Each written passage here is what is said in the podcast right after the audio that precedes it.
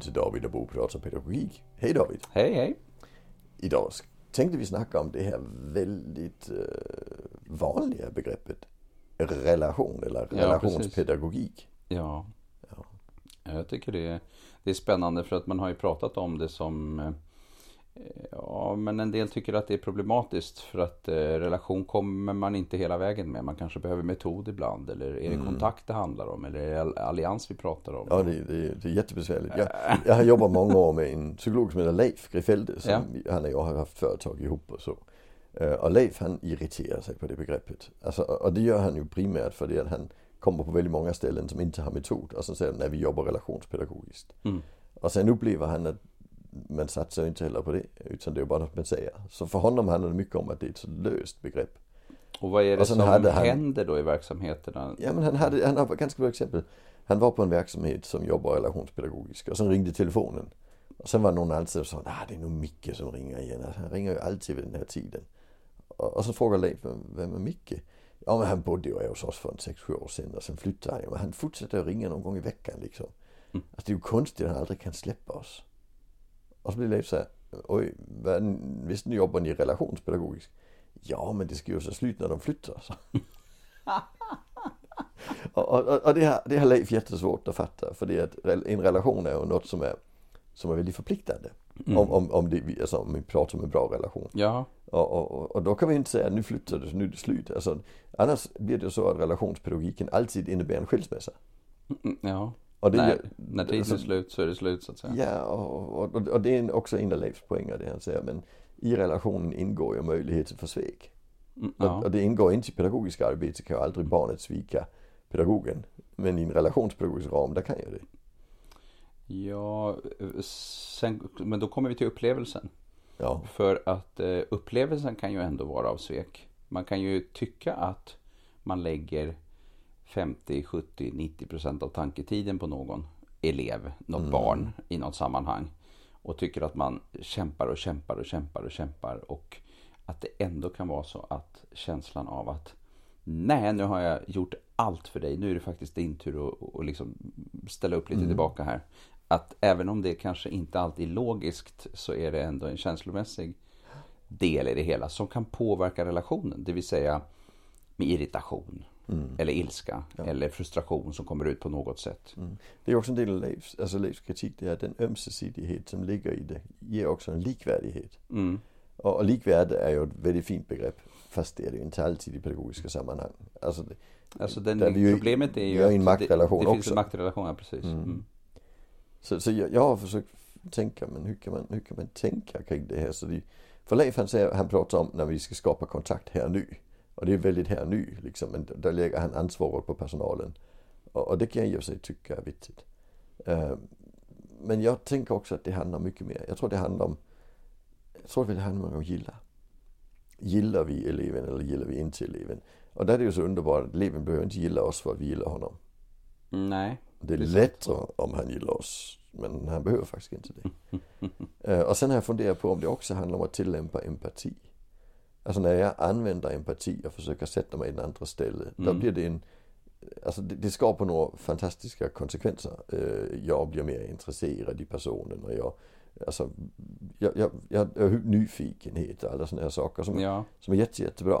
Ja, eh. de är väldigt väsentliga för det, det relationella om man säger ja, så. Precis. Eh, men, men det kanske är det att jag väljer att tillämpa empatin mer än att, alltså just för att ta bort den här att, att eleven också ska stå, alltså ska lyckas vara en del av relationen. Det är det, det som blir lite besvärligt. Mm, så, så hur kan vi göra för att det blir en, ett professionellt ställningstagande? Och sen är det folk som säger att det ska det inte vara, det ska vara en relation. En mer privat natur och, och då blir jag riktigt mörkrädd. Nej, det blir ju problematiskt för det kan det ju inte vara i en professionell Nej. verksamhet ska det ju inte vara privat.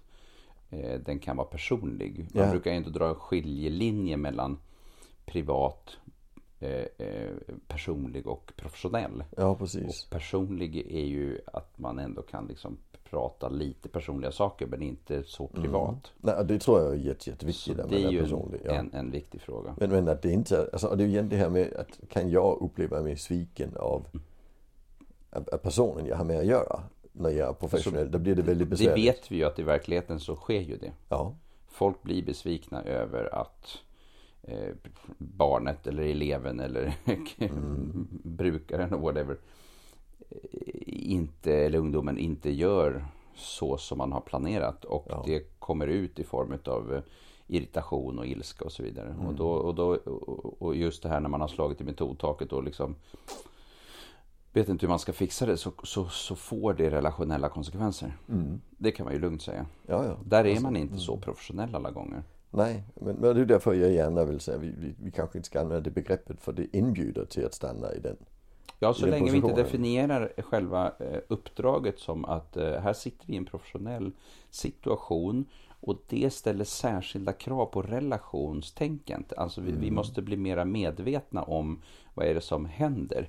För jag tycker att jag ser ett, ett problem som jag ser ibland är att vissa för över en privat hållning som man har eh, kring det relationella in i det professionella. Ja, precis. Så att man till exempel blir besviken mm. eh, på att det inte funkar med någonting. Alltså det kan man ju bli, men, eh, men att det sen går ut över en, ett barn eller en ungdom, säger vi, som har en funktionsnedsättning och faktiskt kanske inte kan hjälpa det. Mm.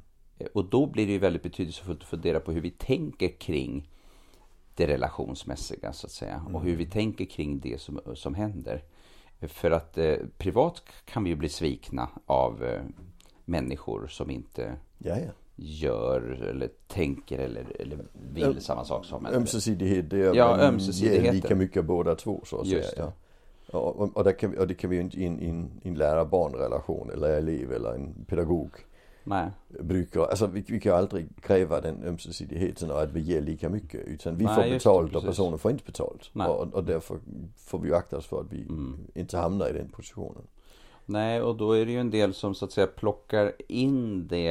Eh, alltså då, när man är för oreflekterad kring eh, eh, kring hur det blir så eh, och, och, oreflekterad kring sig själv. Mm. Eh, så så för man in de här känslorna av upprördhet, svek eller, eller eh, käns de starka känslor man har inför att man inte lyckas fixa en situation mm. på ett mm. bra sätt. Så för man in det i relationen på ett problematiskt sätt. Mm.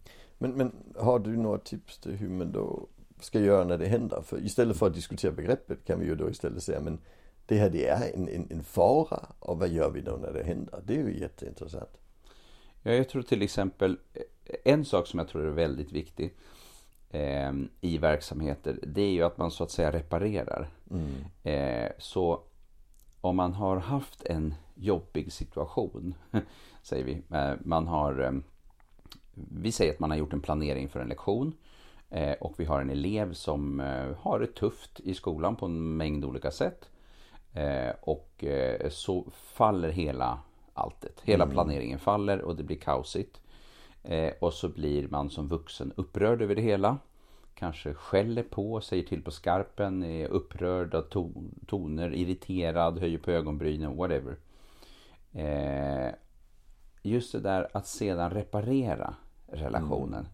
Med eh, lite grann utav ett förlåt. Och förlåt ja, efteråt alltså. Mm. Äh, det blev så jobbigt, det var för mycket, jag är ledsen. Eh, jag, jag hade gjort den här planeringen, det funkade inte. Jag inser att det inte blev så bra just den där reparationen är väsentlig. Mm. Problemet som vi ser ibland är att man inte reparerar. Man är fortfarande förbannad och tycker att eleven ska skärpa sig eller att eleven borde minsann och så vidare. Och så sätter sig det där på relationen. Mm. För om man inte reparerar då kommer ju den andra personen att tycka att man är en jävla jobbig vuxen helt enkelt. Mm. Om, man, om man, frankly speaking. Eh, så reparationsdelen där är betydelsefull och det betyder ju att man måste vara väldigt vaksam på vilka egna känslor man förmedlar i relation till mm. barn eller elever eller andra. Ja, där just besvikelsen inte hör hemma i en, mm. i en professionell sammanhang. Nej, och man kan ju ändå känna besvikelse men frågan mm. är vem ska få vem ska få det på sig? Ja. Eh, och, det, det, liksom... det är besvärligt för vi använder besvikelse som ett fostransredskap i privat här, Ja, hela tiden. Och, men, men det blir inte riktigt, det blir inte riktigt vettigt att stoppa in den i en, i en skolsammanhang eller en liknande sammanhang. Eh, nej, och det görs ju som ett sätt att uppfostra eller som ett sätt att tydliggöra att gör inte så här nästa gång. Mm. Så en, en kraftig reprimand innehåller ju eh, också en tydlighet om att det här var inte okej. Okay. Mm. Det innebär också att jag är besviken på dig, du borde ha gjort på ett annat sätt. Ja. Nästa gång vill jag se dig göra på ett annat sätt. Eh, kom ihåg det till nästa gång så att säga. Men mm. problemet här är ju att det bygger ju på att man har en idé om att eleven inte har gjort sitt bästa. Ja precis, det, det ligger i det. Det ligger i det. Jag, jag har en, en, personlig erfarenhet som, som är lite spännande här. Jag, jag hade en, en lärare jag fick i trean och sen hade jag honom mm. Nian ut liksom. Eh, tian ut, i Danmark har vi ju tio år i grundskola. Eh, han hette Sven. Eh, och, och Sven han var en, ja, någon gammal hippie. Alltså. Han var inte så gammal på den tiden. Nej. Drygt 30 eller något. Ja. När jag gick i skolan. Började, alltså han var gammal för dig då? Jag fick honom i 75 liksom. Så det var ändå hippie-tider lite nära i alla fall. Eh, men, men Sven han var en, en seriös lärare, liksom intresserad i historia och sådana här saker. Vi hade honom i danska, vi hade honom i, ja, i olika ämnen, orienteringsämnen och så vidare. Och sen var han klasslärare hela mm. vägen i, i tian ut. Ah. Mm. Och Sven han, han, han, alltså, han tyckte ju att jag var för lat. Alltså så var det bara. Han tyckte du kunde ju klara så mycket om du bara inte var så lat. Och det, det fick jag liksom veta hela tiden. Eh, och sen i Danmark ska man få ett omdöme i slutet på skolan. Och det omdömet, det får inte vara negativt laddat. Mm -hmm. Alltså det är en skriftlig information om det? Ja, två rader eller en ja, rad utöver betygen. Och, och, och då fick jag ett sånt här litet, ja det var lite besviket. Jag, jag fick den här. Bo har trots svängande arbetsresultat uppnått bra resultat. Och, alltså, vi hade ju också ett, ett samspel genom många år och, och jag vet ju att han, han tyckte jag var bra. Han tyckte bara jag var lite lat, eller hur? Ja. Och det fick han ju liksom ut genom sidobenet så, så där klämt ut genom revbenen här i, i det här. Eh, så jag fixade det. Jag var inte besviken heller då. Jag var nästan lite stolt. Alltså, att, ja, det gick ju bra. Det är det han säger liksom. Och jag är lite stolt över lättjan. Alltså, jag har inga problem med det liksom. Och jag är inte en lat person. Men jag gör ingenting i onödan. Alltså så är det. Mm. Och det var ju inte heller nödvändigt. Det, det är ju det han också skrev, eller hur? Just det. Ja, det gick ju bra ändå. Det gick ju bra ändå, ja mm. precis. Men, men det fanns en besvikelse i luften. Ja, och det hade, om inte vi hade haft en allians, om jag ska använda det ordet som vi hade, så hade det kunnat bli väldigt negativt. Men det byggde på att det gick va? För, för det, problemet... det byggde ju på att jag inte, alltså om, om jag skulle tycka det var jobbigt, då skulle jag känna mig förkastad. Just det, om du så att säga misslyckades genomgående eller ofta. Ja, eller, eller, han... eller om det var viktigt för mig mm, mm. Att, han, att han gillade hela mig. Ja. Men det var det inte. Nej. Alltså, eh, och, jag tror ju den skrevs med glimten i ögat också. Annars mm. hade det inte varit bra, eller hur? Nej, men om man tänker sig parallellen till, eh, till en elev som eh, på olika sätt har det tufft i en vanlig skola. Eller i en förskola mm. eller i en verksam fritids eller vad som helst. Besvikelse är ju så att säga ett sätt att eh, eh, forma barn. Alltså mm. genom att visa sin besvikelse. Men det kan ju också vara genom skäll eller det kan vara genom skam, eh, som, ska, skam som och skuldbeläggande. Ja. Precis, mm. skam och skuldbeläggande. Men eh, alla de där metoderna har ju som, eh, de, de utgår ju från att man kunde gjort bättre. Och det ligger ju också mm. i begreppet lat. Ja. I begreppet lat är ju väldigt tydligt så att eh, mm. problemet är ju också att Lat är ju ett, någon slags personlighetsbeskrivande term. Mm. Negativt laddat. Det är negativt laddat och det är personlighetsbeskrivande. Och problemet här är ju att eh, det är ju en, jag tycker i alla fall rejäl, rejäl menar jag, återvändsgränd att använda personlighetsladdade termer mm. till barn och ungdomar i utveckling. För du har ju inte en susning om hur de kommer att vara som 18, 22, 32, Nej. 58. Liksom. Så att eh, här finns det en, en återvändsgränd tänker jag. Mm. Och den påverkar också det relationella. Därför ja. att om man tänker sig att en person då är lat eller elak eller, eller eh, vad det nu är för någonting. Mm. Eh, eh så, eh, envis eller vad det är för någonting. Då blir det ju liksom också, då formar ju det ens analys. Ja. Det, eller det, det är snarare format av en analys. Ja. Men, men jag tänker de hade ju, orden hade ju inte kommit i spel om inte det var en relationell förväntan. Mm. Så jag tänker vi har ju också en vuxen som har en relationell förväntan om att barnet ska leva upp till någonting. Mm. Och, och, då blir de här orden liksom intressanta att använda för den personen. Men de sabbar ju då det pedagogiska jobbet. Ja, just det. Så, så man kan säga det, det händer ju bara i en relationell sammanhang. Och, och där ska den relationen ju vara väldigt, väldigt positivt laddad Mm. för att, att han ska kunna skriva så. Mm. För att det ordet ska ge mening. Ja, just det, precis. Ja, alltså, eller också ska den vara så pass dålig så jag struntar i honom. Mm. Ja, men i ditt Men- fall men- så, så betyder det ju också att du hade ju eh, så att säga en positiv eh, relation till den här personen Ja. eller, eller så. Alltså hade, var- han hade pedagogiskt kapital Ja. så det gjorde inte så mycket. Nej, men och det som är det svåra eh, i det som vi egentligen pratar om, om man tänker sig alla som kanske lyssnar på det här, är ju just det här att man, att man hamnar i svåra lägen som till exempel pedagog i en verksamhet. Eh, eh, där man har en förväntan om att barnet borde göra på ett visst sätt. Man analyserar det som personlighetsdrag eller man, man använder sig av skuldbeläggande eller man blir besviken och visar på besvikelsen. Alla de här sakerna och skäll och alltihopa bygger ju på att man har en idé om att barnet faktiskt kan göra annorlunda. Men, Men då måste man ha väldigt mycket på fötterna om att det verkligen är så. Om det nu inte Mm. är så, då faller ju alla de strategierna. Absolut. Det, det, Då funkar de överhuvudtaget Nej, nej. inte. Och då måste vi tillbaka till frågan om hur man så att säga har riggat situationen snarare än, alltså det vill säga det proaktiva. Att vi är steget före snarare än att vi kommer in i efterskott och blir reaktiva. och, och där, där gjorde jag en, jag gjorde en intervju med eh, Andy McDonald, eh, Mm. brittisk professor, när jag, i, i samband med mitt avhandlingsarbete. Och en av de frågorna jag frågade honom, det var det här med, jag, jag är intresserad i synvändan, vad är det Mm. som händer när vi börjar bli duktiga? Och sen frågade jag honom, vad är det som innebär när vi kommer i det? Så sa han, nej men där går vi tillbaka. Och, och det han sa det var att vi tror ju att alla barn under tre gör sitt bästa. Men så någonstans där i treårsåldern så börjar vi tro att de inte gör sitt bästa. Mm.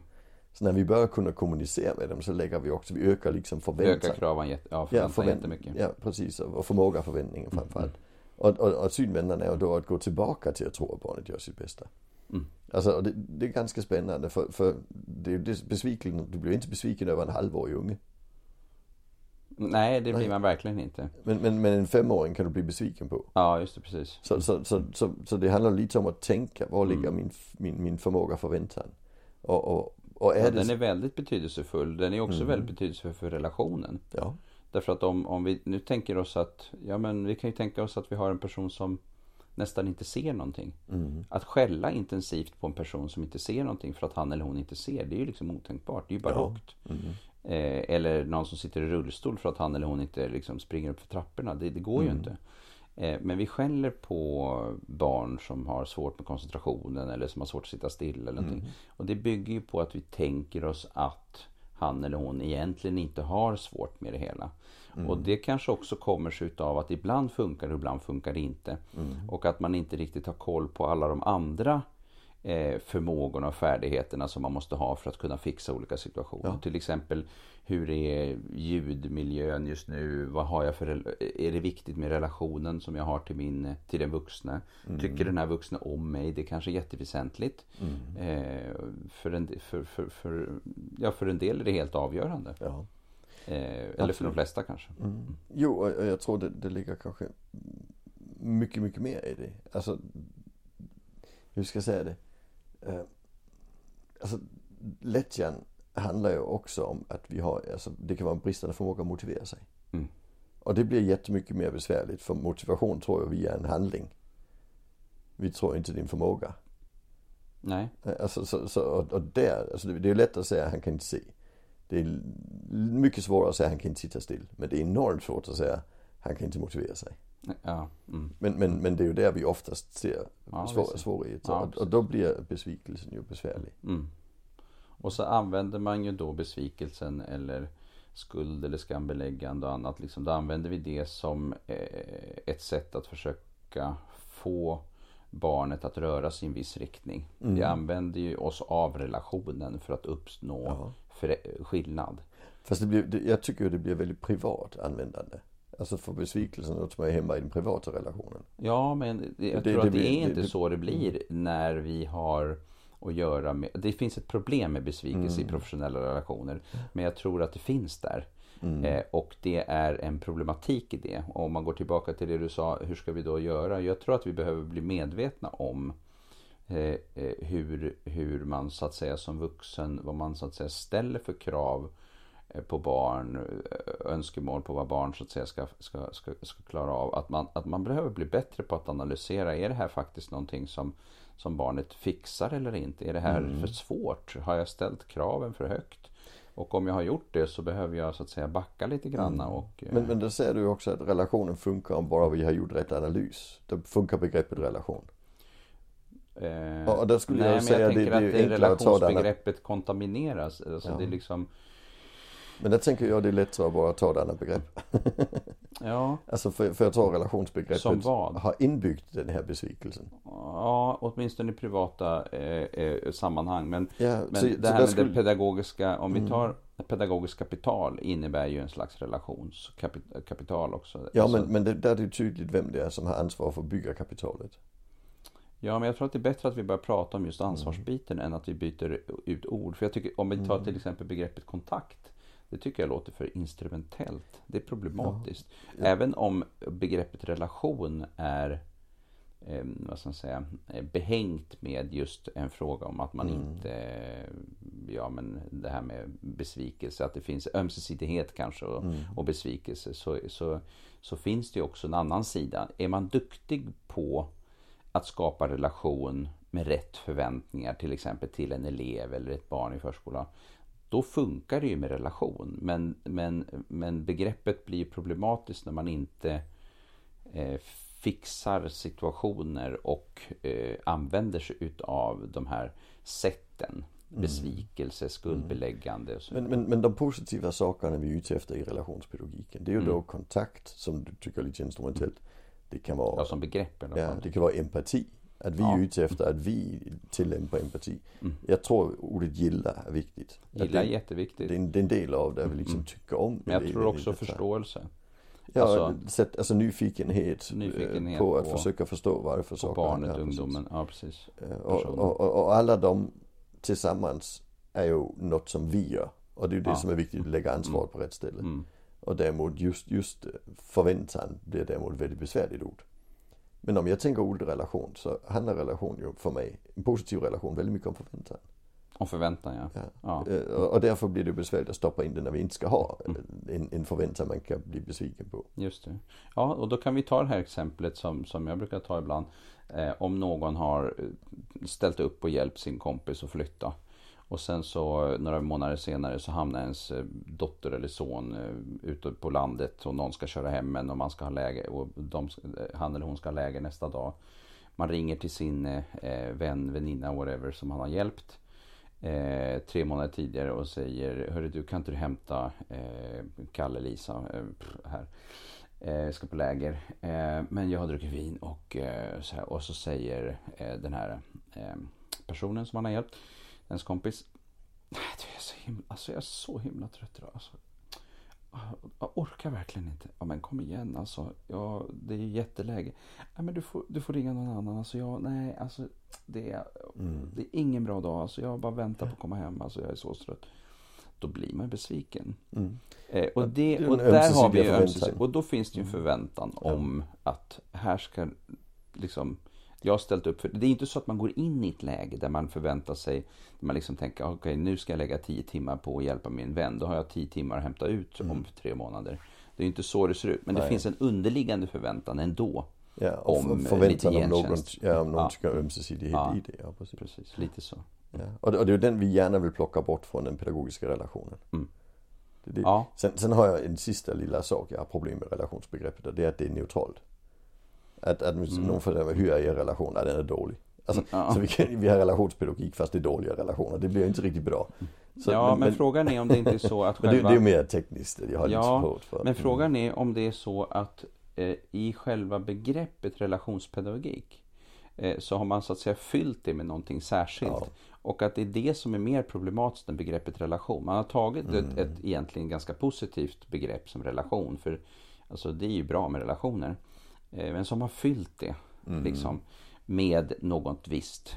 Mm. Eh, eh, och, och, och sen och, och då får vi ett problem i vissa sammanhang. Mm. Jo, absolut. Ja.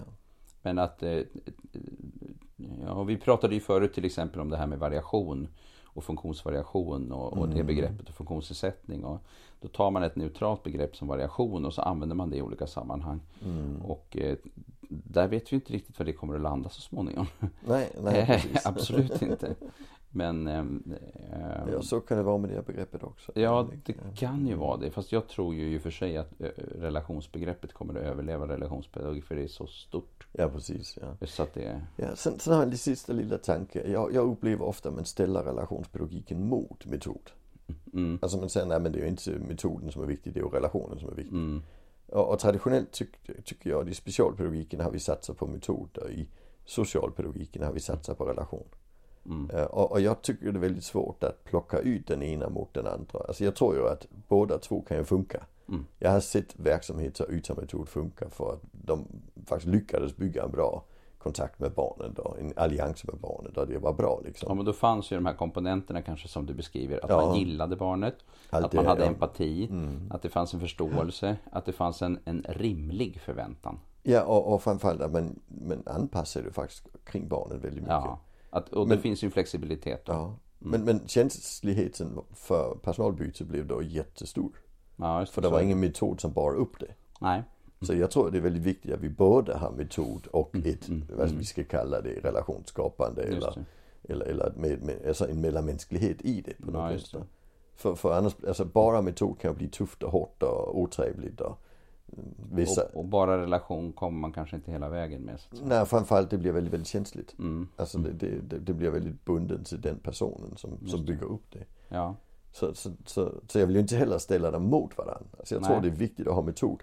Och jag tror det är viktigt att ha de här mjukare värden, vad vi sen ska kalla dem. Mm. Men, men jag skulle ju vilja kalla dem någonting annat som, som jag inte tycker har den här inbyggda faran. Ja, eller så pratar vi återkommande om, om eh, hur viktigt det är att vi, eh, att vi ställer rätt förväntningar. Och att Ja. vi har rätt förväntningar och att eh, det här med det ömsesidiga, eh, liksom, att vi pratar Mm. om det på det sättet.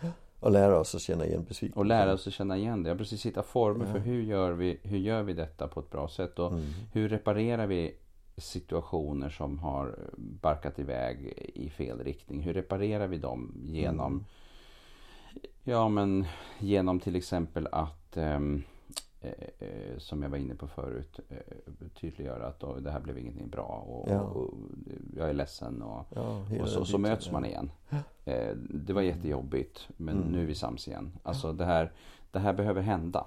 Ja. För det, det är också så det kan bli. Då visar vi också att vi är människor. Mm. Eh, jag kan också bli upprörd, jag kan bli ledsen, jag kan bli besviken. Men jag kan också gå in och reparera och säga att, eh, och vad tokigt det blev.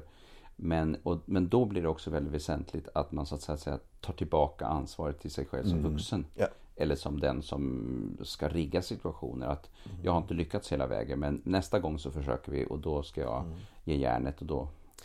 Och då är vi faktiskt tillbaka till en av mina käpphästar. Det är där med att vi ska inte försvara dåligt arbete. Äh, nej, Alltså det. besvikelsen ska vi inte försvara. Nej, Utan den ska vi faktiskt reparera. Just det, precis. Ja, Ja. för börjar vi försvara dåligt arbete då fallerar vi. För vi måste ändå förhålla oss till att besvikelsen är dåligt arbete. Mm. Alltså, den, den hör inte Ja, hemma precis. i Nej, den hör inte hemma. Nej, precis. Men, och, men och just det. Så reparationen blir ett sätt att... Att förhålla oss till att, att vi människor är ja, ändå liksom. just det, ja. precis. Ja, att det inte blev så bra. Nej. Att vi gjorde någonting bra. Och det är det som ligger också ibland i förlåtet då. Ja, precis. För i förlåtet så ligger ju också att, eh, eller, eller någonting, det var, inte, det var inte meningen att bli så arg eller jag är Mm. ledsen för det här. Eh, Så vi kan få vara människor men vi kan också eh, erkänna att det här blev inget bra. Ja. Eh, Och då tar vi på oss att det här blev inget bra. Det var så att säga mitt fel. Jag, jag, jag, jag borde inte ha skrikit på det så här eller någonting sånt där. Gör vi det så kommer vi längre. Och då betyder det också någonting. För då bygger vi upp. Då tänker jag att vi bygger upp barnet eller ungdomens eller så, vad heter det, självförtroende i detta och, och liksom förståelse för sig själv. Att eh, jag är inte alltid den som är dålig och sabbar och förstör eller, eller eh, så utan, utan eh, eh, de vuxna behöver hitta, eller de som är ansvariga behöver hitta former. Eh, och eh, och eh, jag får inte alltid skulden för allting hela Nej, tiden och är en Ja. dålig människa. Ja, För det är det som jag tycker är en stor riskfaktor. ja, precis. Mm. Så Mm. är det. Det är, Ja, det är spännande. Vi kan få anledning att återkomma till relationsbegreppet. Det är, att vi, vi kommer, det, det är ju ett sånt begrepp som man måste nöta och blöta och, och Ja. hålla. Just för att inte fastna i något tänker jag. Nej, precis. Mm. Det är bra. Spännande. Tack så hemskt mycket för idag. Tack för idag. Tackar.